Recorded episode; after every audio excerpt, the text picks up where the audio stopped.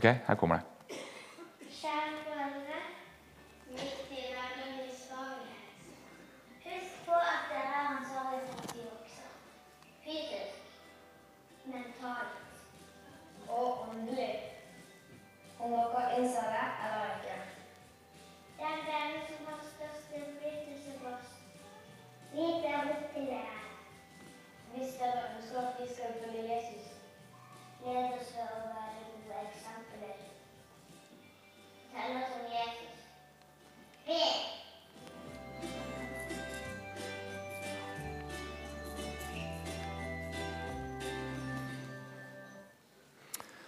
Ja, kjente du det?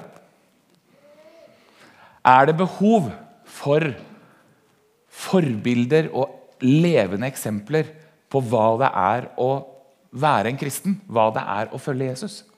Er det behov for det? Er det behov for gode eksempler? Eksemplariske? men er det behov for det? Ja, altså Eksempler bør jo være eksemplarisk. Bør være verdt å følge. Og det er behov for det. Det er ei som heter Torbjørg Oline Nyli, som jeg tror dere har hatt besøk her for ikke så lenge siden. Som har skrevet en bok om å være åndelige foreldre. Åndelig mor, åndelig far. Og da får vi, vi kan få helt hetta når vi hører det ordet der. Eh, og hun sier at det er behov for det. Hun har brukt en del barn og ungdommer eh, i boka si, som eh, også du kan finne der ute. Og de sier tenk om de voksne hadde tatt mer tid til oss. Men så er det sykler og Birken og ferier og oppussing, sier de. Og så sier Torgeir Berline det er en farløs generasjon, også i åndelig betydning. Vi overlater ungdomsarbeid til unge mennesker. Og de eldre med livsvisdom og gudskjennskap trekker seg tilbake. Det må en hjertevekkelse til. Der fedrenes hjerter vendes til barna og barnas hjerter til fedrene. Jeg oppfatter et rop fra de unge som etterlyser tydelige og trygge voksne som inviterer hjem til seg, og som tar tid til å lytte og forstå uten så mye aktiviteter på agendaen. Hvorfor skal de unge gå alene? sier Torbjørg Oline. Og Da kommer det et eh, litt vanskelig bibelvers her. For hvem tør si, som godeste Paulus sier i 1. Korintbrev 4,15? Hva sier han? Jo, dere har tusenvis av lærere som vet hvor skapet skal stå. Det var min paraktes. Men dere har få fedre. Men jeg ble deres far i Kristus da jeg ga dere evangeliet, sier Paulus. Og så sier han, så ha meg som forbilde. Så er det flere som bare kan gå i det toget og si ja, det kan vi si. Ha meg som forbilde. Jeg er eksemplarisk. Gjør som meg. Utfordringa mi er jo at sønnen min han blir som meg. Det har jeg sett. Og Nå er han over 20 år. Så han blir som meg. Og jeg tenker nei! Jeg skulle ønske jeg hadde en vikar noen ganger. Som, som eh, barnearbeider kan jeg være ganske profesjonell. Men som pappa er jeg amatør. Hele tida. Men han sier 'ha meg som forbilde'. Og så høres det så greit ut, liksom. Det er min familie. Vi har to barn. Og jeg husker For et par år siden så skulle jeg holde en tale sånn som dette her på julaften hjemme. Eh, og I menigheten der vi går. Og så Samtidig så hadde jeg bestemt meg for at jeg ville si noe til denne familien min. Om hvor glad jeg var i dem, og hvor mye de betydde for meg. Og at de gir meg mulighet til å kunne reise rundt som jeg holder på. Jeg reiser ganske mye. Og Da må du ha en familie som er med på det, og som sier det er greit. Pappa, du kan reise. Og så hadde jeg lyst til å si dette her, og at når jeg reiser rundt, så er ikke det bare meg, men det er vi. Jeg grudde meg som en hund til den der talen jeg skulle ha på julaften hjemme. Ved frokostbordet. Den jeg skulle ha i kirka etterpå, den var piece of cake i forhold. Det var helt greit. Så hvis det sitter 1000 stykker der, så kan jeg godt snakke. Men sitter de som kjenner meg ut og inn foran meg, og så skal jeg si noe, da blir jeg mye mer beskjeden.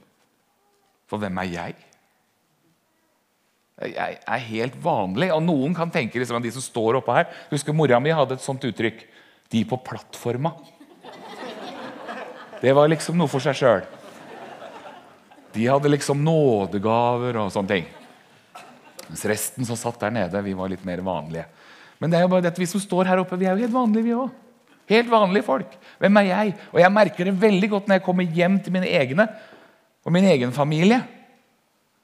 Det er ikke så pratsom da. Det sitter ikke så løst og så lett å si noe om Jesus da og ha et språk for det, eller begynne å be, f.eks. Det er ganske utfordrende. Så jeg kjenner meg utfordra så det holder på det å være eksemplarisk. Og et godt eksempel for, for mine barn. Da er det ganske fascinerende at Paulus sier på samme tid ha meg som forbilde. Så sier han blant jeg Nei, blant syndere er jeg den største. Så ha meg som forbilde.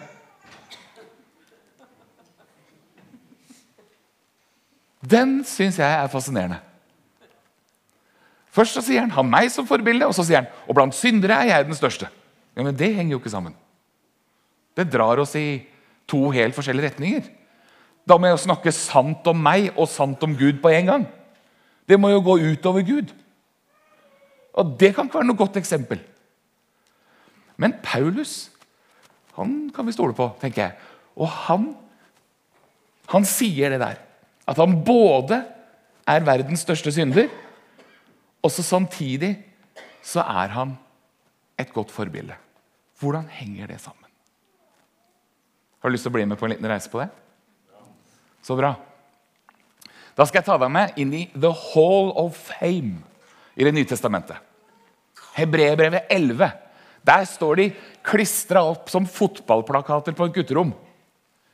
Den store trosgjengen som på en måte står der og lyser. Abraham trodde, Sara trodde, Jakob trodde, Noah trodde. De hadde så stor tro. Det var svære greier, og vi kan lese det nedover. Og Tanken er nok at vi skal bli inspirert, men så kan vi kanskje oppleve det motsatte. At, Oi, ja, de hadde svær tro. Det var eksemplariske folk.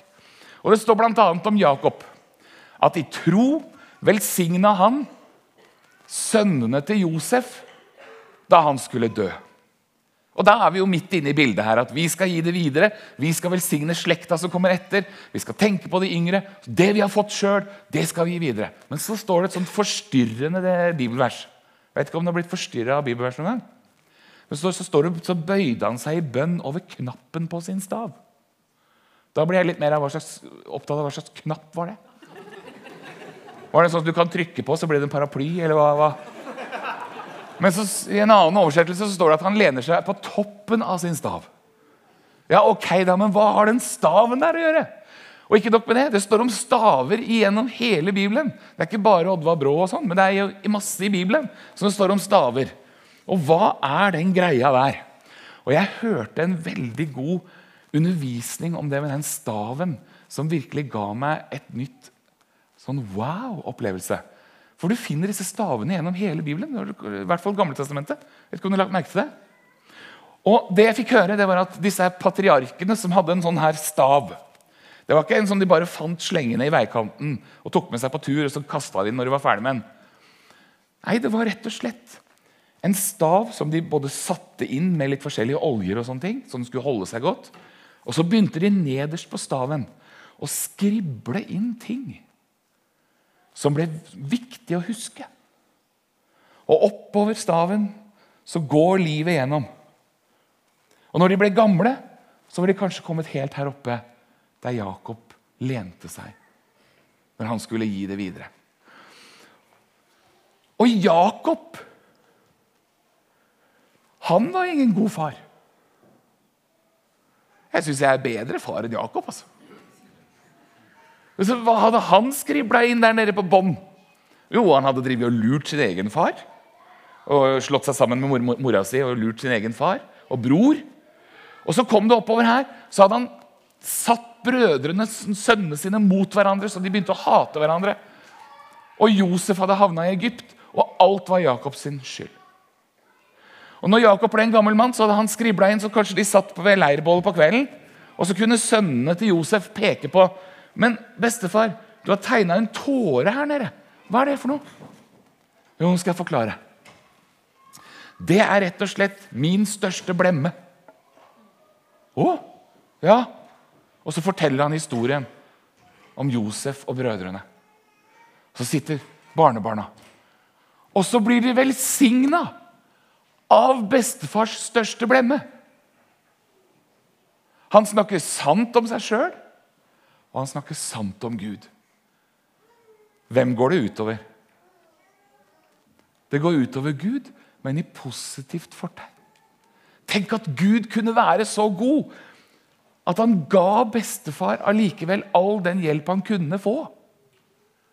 Og Han var med Josef òg, det står det gjennom hele teksten. Gud var med Josef. Og Han var med gjennom hele løpet. Men Jakob hadde kludra det til. Og hans egen handling ble hans største sår. Det kan jeg kjenne meg igjen i. Jeg kan kjenne meg igjen i at jeg står og ser meg sjøl i speilet og tenker åh, der har vi han Viggo Klausen igjen. Jeg, jeg, oh, jeg begynner å bli lei av han. altså. Blir lei av stemmen hans òg. Hører han hele tida. Og så kan vi kjenne at vi er vi er ingenting. Og vi sørger for at vi gjør ting som sårer oss sjøl. Og Jakob var i samme situasjon. Han hadde en sånn en opplevelse av seg sjøl at han lagde problemer for seg sjøl. Allikevel så ble det til velsignelse for etterslekta. Det gærne til og med han hadde gjort, ble til velsignelse fordi Gud var der og gjorde det som var perfekt. Mens Jakob, han var ikke perfekt. Husker dere Moses? Når han skulle få den største oppgaven noen gang i sitt liv. Da står det at Moses han måtte ta staven sin ved tornebusken der. Hva måtte han gjøre? Han måtte legge den ned. Der begynner det. Når Gud gir oss den største utfordringa vi kan få, nemlig å være forbilder, være eksempler på hva det er å være en disippel, hva det er å være etterfølger, det begynner med at vi legger livet vårt ned. Nå skjønner vi den delen av historien. Hvorfor skulle Moses legge staven sin ned? For staven representerer Moses sitt liv. Ikke sant? Og Husker dere hva staven ble til? Den ble til en. Er det noen som lurer på hvorfor Moses ikke meldte seg frivillig til tjeneste? Ja, det, det kan du se. Kan hende Moses sa. Det er livet mitt! Det, det, er han der du spør om å gå til Egypt. Full av gift. Og Moses rømte til og med for slangen, for han var redd for å bli bitt. Og Vi kan rømme fra vårt eget liv. Vi kan skjerme oss og si 'ikke meg', ikke meg'. Jeg tenker på Moses sa liksom, Det må være broren min. Han er Aron, har samme etternavn. Han er sikkert litt lenger på lista. Men det er i hvert fall ikke meg. Ja, Hvorfor ikke det? Nei, for jeg, eh, jeg kan ingenting. Og jeg, jeg er en drapsmann. Og ofte så kan vi møte andres kritikk også. Når vi på en måte skal stikke oss fram. Når vi skal vise oss fram. For kan vi være et eksempel uten å vise oss fram? Kan noen følge etter oss uten at de ser oss? Kan noen gjøre som vi uten at de ser vi gjør det? Nei, vi må stikke oss fram. Vi må vise, vi må være tydelige. Og Da kan noen si ja, men hva kvalifiserer deg da? til å bli en leder her, eller stå fram her, eller si noe her. Du er en morder. Eller du ble skilt. Eller det gikk i stykker for deg, eller det skjedde ting i livet ditt som ikke var bra. Hva kvalifiserer deg til å bli noe mer enn oss? Det er ikke snakk om å bli noe mer enn oss. Det er snakk om å vise hva Jesus betyr for meg. Snakk om å gå foran og være et eksempel. Vise med mitt liv hva det betyr å tro på Jesus og elske Jesus og være sammen med ham. Og Moses han måtte legge staven sin ned, og det er der det begynner. Og jeg vet ikke, Kanskje det sitter noen menn her som har en forhistorie. Du ser veldig pen og pyntelig ut her dere sitter, alle sammen. Ser helt kristelig ut, nesten. Men du har en historie som kanskje ingen vet. Du har opplevd ting som kanskje ingen her vet om. Det er ikke ting du er eh, stolt av. Det er ikke ting du skryter av. Det er ikke ting du snakker om. Kanskje det også er noen her som har vært i helvete og tilbake igjen. Noen menn som virkelig burde vært der når gutter kommer inn i kirka her, eller vært i nabolaget ditt som du møter, som heller ikke har koll på livet, som heller kanskje ikke hadde en far å se opp til, som heller kanskje ikke hadde det godt, som også ble utsatt for overgrep, som også fikk livet som en smell i huet, og lurer på hva er egentlig livet? Hva er egentlig meninga med livet? Og så sitter du her og har vært fram og tilbake, men du har møtt Jesus. Han lagde omveltning i livet ditt. Han snudde på det. Det vonde ble bra igjen. Kanskje du har sårene ennå, kanskje det er ennå ting du jobber med. Men hvem er vel ikke bedre kvalifisert til å sette seg ned sammen med andre gutter som er på vei opp, til å si 'Jeg skal fortelle deg, gutten min, hvordan livet er.' Og jeg skal fortelle deg hvordan pappa Gud er. Her er livet mitt. Eller dere pene, pyntelige kirkedamer som sitter her. Dere ser jo i hvert fall veldig kristelige ut når jeg ser utover. Men det kan hende det at du en gang har vært i en annen by, et annet sted, sammen med andre mennesker og vært helt annerledes. Kanskje du har en tatovering som ingen kan se.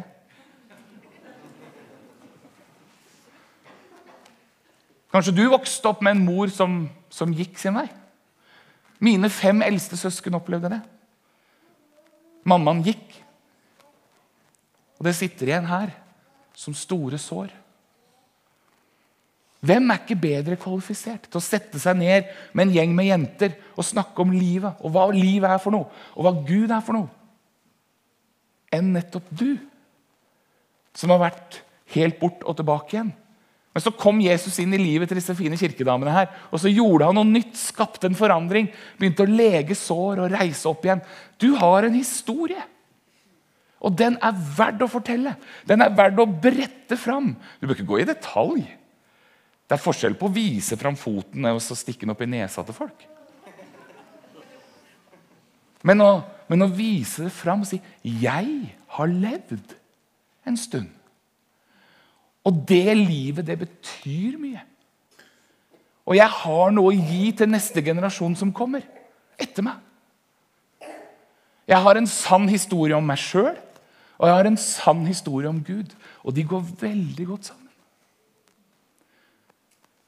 Det gir et gudsbilde som er på plass.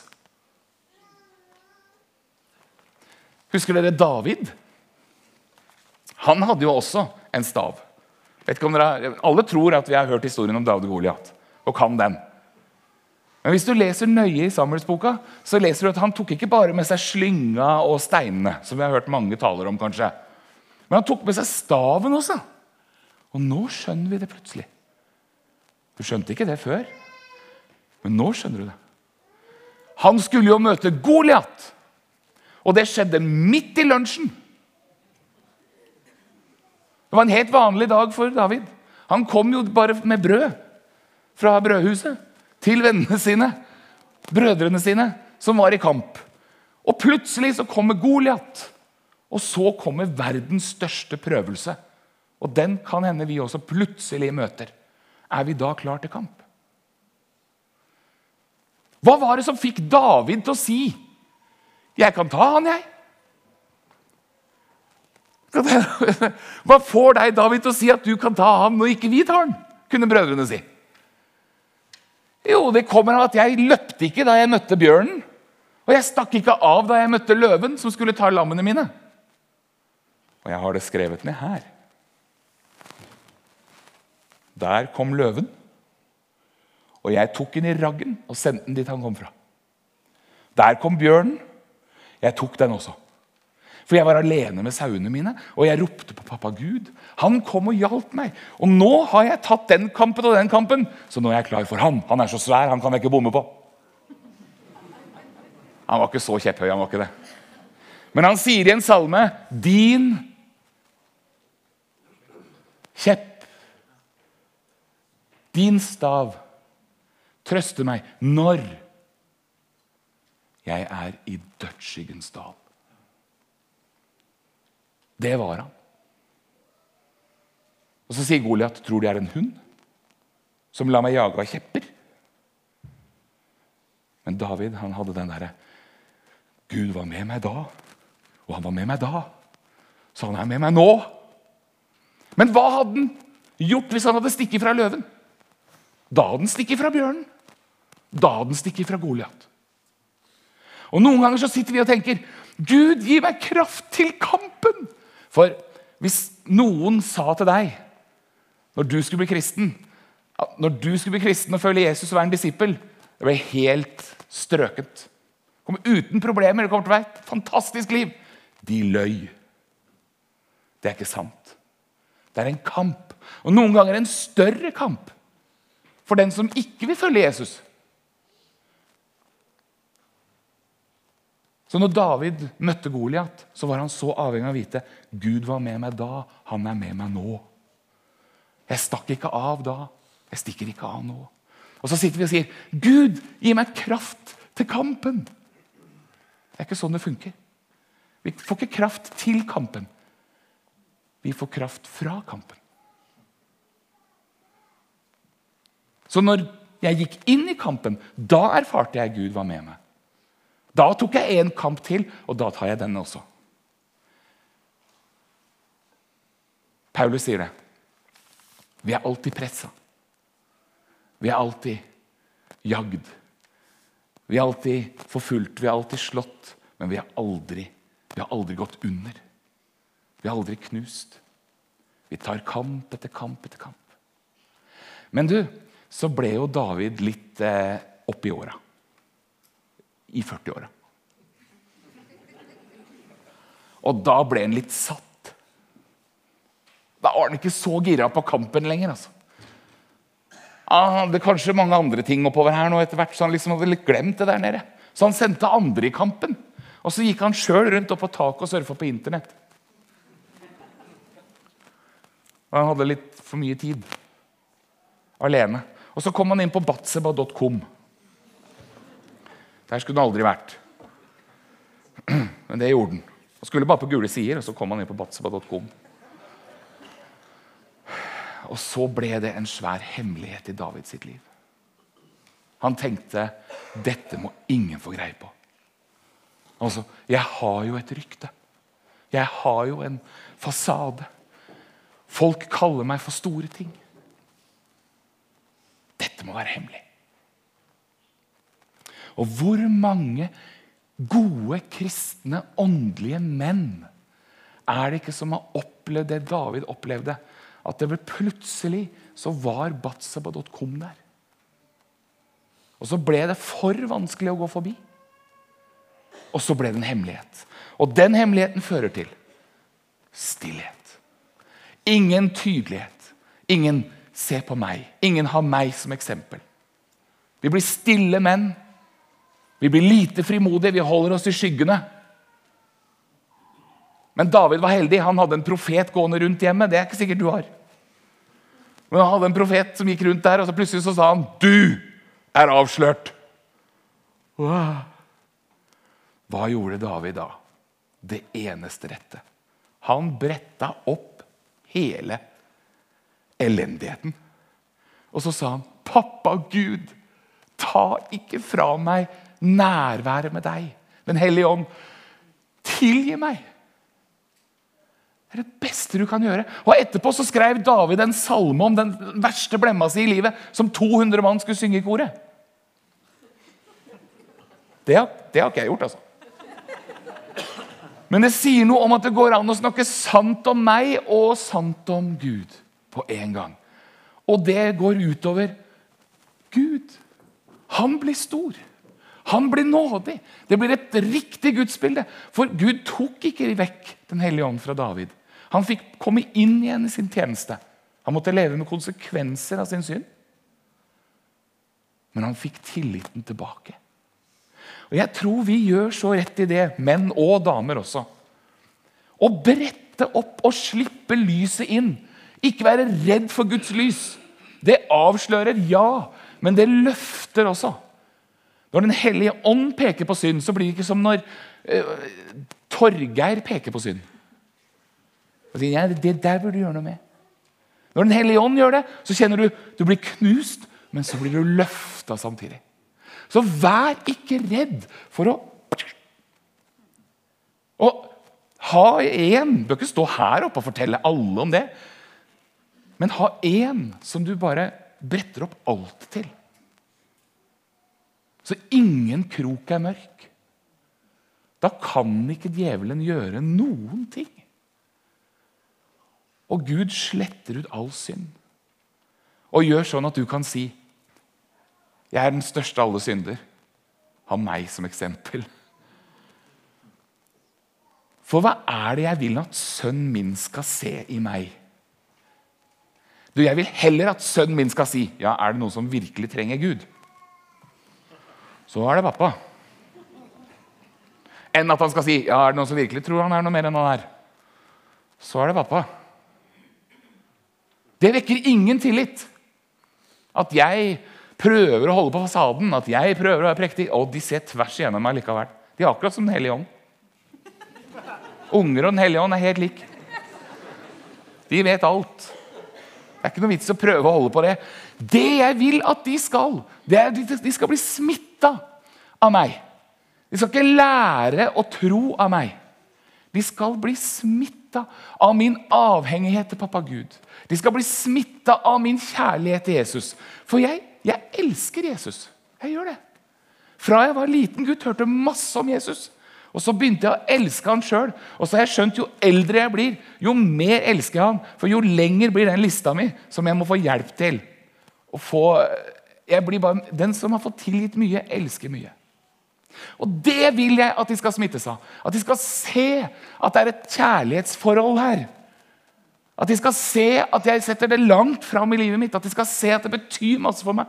Og at de skal se at jeg ønsker det samme for dem. Jeg skal ikke være perfekt. Jeg skal være ekte. Da kan jeg brette opp og si sånn er jeg, og sånn er Gud. Da blir det et eh, godt forhold. Så ikke kast bort det bortkasta i livet ditt. Bruk det for alt det er verdt. For det, det er bare én som kan bruke søppel. Sånn som det er bare Gud som kan bruke søppel til noe bra. Det er bare han som kan få det til å skinne. For Paulus sier vi har denne skatt, nåden, kjærligheten, pappaforholdet. Men vi har den i leirkar. For at det skal syns at den veldige kraften er fra Gud. Og så sier Paulus vi forkynner ikke oss selv. Og det er jeg så glad for, at jeg får slippe å reise rundt og fortelle om meg sjøl. Da hadde jeg i hvert fall blitt spylei av han Viggo Klausen. Men jeg kan, få, jeg kan få forkynne om min Gud gjennom meg selv. Jeg kan ikke ta på meg noe annet enn det jeg er. Nå skal jeg prøve å lande. Moses måtte legge staven sin ned for siste gang. Husker du det? Han sto oppe på et fjell, og så så han inn i løfteslandet som Gud hadde lovt han og hele hans folk. Og så skulle han legge staven ned for siste gang. Han skulle dø. Hvor mange av Moses sine barn, som han kanskje hadde en million av, Israelsfolket. Hvor mange av dem var i løfteslandet da Moses skulle dø? Hvor mange var kommet fram? Hvor mange hadde han fått leda inn i det store? Hvor mange var det? Ikke en sjel. Det var noen som har vært inne og sett og sagt ja, kanskje. Og et par stykker sa ja, jeg syns vi burde prøve. En million som sa nei, vi blir her. Og da, Hvis ikke Moses hadde forandra seg fra første gang vi møtte ham, så regner med at Moses hadde sagt der kan du se, var det jeg prøvde å si. Jeg er jo ikke mann til å sende og lede etter folket. Jeg prøvde alt jeg kunne å fortelle at dette var feil. Men Moses har forandra seg i mellomtida. Han legger staven sin ned. For han vet det er ikke bare min historie. Det er Guds historie. Moses visste ikke noe om framtida. Han visste ikke åssen det skulle gå. Han hadde to valg. Enten å dø i selvforakt over ikke nådd målet, ikke fått det til. Eller å dø i hvile. At Gud skulle gjøre resten. Og fullføre løftene sine. Det samme valget står IU for. Det kan være en del av oss som har ønsker og drømmer at barna våre, barnebarna våre, tante, onkelbarn, fadderbarn skulle følge Jesus, at de skulle bli smitta. Men de ble aldri det. De går ikke den veien vi ønsker at de skal gå. De følger ikke Jesus. De er ikke der. Og så går veldig mange til åtak på seg sjøl. Så sier de jeg gjorde det dårlig. Jeg var et dårlig eksempel. Jeg meg Hva har vi å lære av Moses? Ett ord. Nei, målet er ikke nådd ennå. I min familie så stemmer den sørgelige statistikken med at nesten 70-80% av de som vokser opp nå i kristne hjem videre, ikke følger Jesus. Vi er syv søsken, og mange av barnebarna i vår familie følger ikke Jesus ennå. Men så har vi en som har lovt på tro og ære å ha kontroll på våre liv, kontroll på vår familie. Han hører våre bønner. Han har et rolig ansikt. Pappa Gud hadde et rolig ansikt da han kalte Moses til tjeneste. Pappa Gud hadde et rolig ansikt da han gravla Moses på fjelltoppen. Han har kontroll på min familie og på din familie. Det er bare vi som må velge om vi skal ha tillit til det og hvile i det eller ikke. Det er en vei som de må gå. Så hva kommer du til å gjøre? Kommer du til å lene deg på toppen av staven når du skal velsigne resten og si 'Han var med meg der, og han har vært med meg helt opp hit'? Det er ikke bare gamle velsignelser Jakob lener seg på. Han lener seg på det Gud nettopp har gjort på toppen av staven. Du er ikke gått ut på dato. Du er ikke ferdig. Du har fremdeles et liv. Og det livet betyr masse for de som ser på deg og følger deg og er rundt deg. Vi har denne skatt i leirkar. Så kan det være noen sprekker i leirkaret, og så skinner den skatten ut gjennom det. Bare fordi Gud er god. Det er ikke om å gjøre å ha flest sprekker. Det er ikke det jeg mener. Det er bare at vi klarer ikke unngå de sprekkene. De er der. Og Istedenfor å lappe de sammen, så kan vi heller vise Guds nåde i våre liv gjennom de. 1. Korinter 4,7 står det. Og Da sier Torbjørg Line at hun har starta en jentegruppe for tenåringer i menigheten. Og det slår meg hver gang sier hun, at de knapt nok vet essensen i evangeliet. Sannheter som jeg tar for gitt, er fremmed for dem. De leser rosablogger og hører mer på usikre og forvirra jenter som de ikke kjenner, enn på nære relasjoner og på Bibelen. De er på sett og vis unådde. Vi har en kjempejobb foran oss til å finne Guds nøkler for vår tid og til å åpne evangeliet for dem og lede dem inn i en relasjon til Jesus. Og nå vet vi vi kan. Vi kvalifiserer. Vi er eksemplariske. Sånn som vi er. Og Da skal jeg avslutte med en liten videosnutt for deg. Ei jente på ti år sa jeg gidder ikke gå på søndagsskolen mer. Hvorfor ikke det? Nei, nå har du fortalt alle historiene, og nå begynner de på nytt igjen. Typisk tiåringen. Eh, før ti år sier de 'fortell en gang til', da. Fortell den om igjen. Mens etter ti år jeg har hørt det før. Men så sa jenta men hvis det kommer noen nye historier om Jesus, da skal jeg gå på søndagsskolen. Ja, Men det er jo ikke noen nye historier om Jesus. Det er jo de samme som vi har hatt hele tiden. Jo, de nye historiene om Jesus fins. De fins i deg. Er din historie dårligere enn Matteus sin? Er din historie dårligere enn Lukas sin? Nei. Og det er det kjøttet på beinet som 10-åringen og 15-åringen og 30-åringen og 40-åringen og 50-åringen trenger. Jeg trenger å sitte på fanget til en på 60. Jeg kan ikke sitte på fanget lenger. Men, men jeg, jeg, gjør det. Jeg sitter på fanget til en 60-åring en gang i måneden. Jeg trenger det. Og bare se hva som kan skje hvis bestemor deler liv. Ja, jeg er så heldig at jeg er nesten mot ti stykker. Og eh, i august så hadde vi besøk av, Eirik pluss eh, mammaen eh, svigerdattera.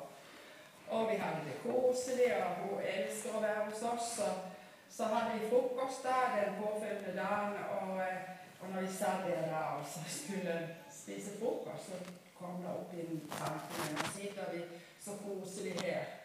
Mannen min var der også, og nå vil jeg fortelle Charlotte også Johanna jeg ble frelst.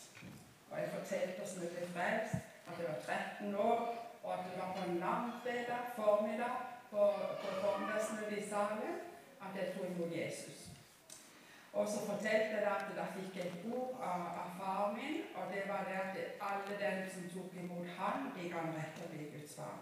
Så den dagen Charlotte, da tok jeg imot Jesus. Og det har jeg aldri angra på. Og snakka en del om det da.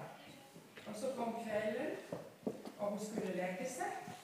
Og så ropte hun på mamma. Hun har veldig kontakt, god kontakt med mammaen sin. da. Og så gikk, eh, gikk Jorunn inn da, og satte seg ned og snakka med henne. Så sa hun det. Vet du hva mamma sa? Jeg tror på Jesus. Og nå vil jeg at du skal be sammen med meg, sa hun. For nå vil jeg vite at i dag er min dag. I dag har jeg tatt imot Jesus. Og nå vet jeg at det er min dag, at det er min frelsesdag. Og så ba de sammen. Og neste morgen, når de sto opp og vi hadde ny frokost, så fikk vi den gode nyheten at Charlotte hadde bestemt seg fra nå av skulle hun Visste hun og hadde tatt en bestemmelse, for hun visste at nå er jeg Guds barn. Og den bestemmelsen tror jeg er god for alle mennesker bare kommer til det du tror, men at vi gjør noe med det og tar imot Jesus og vite det at det er ditt barn. Amen. Da skal vi avslutte gudstjenesten i dag med at uh, lovsangsteamet kommer opp og synger en sang sammen med oss.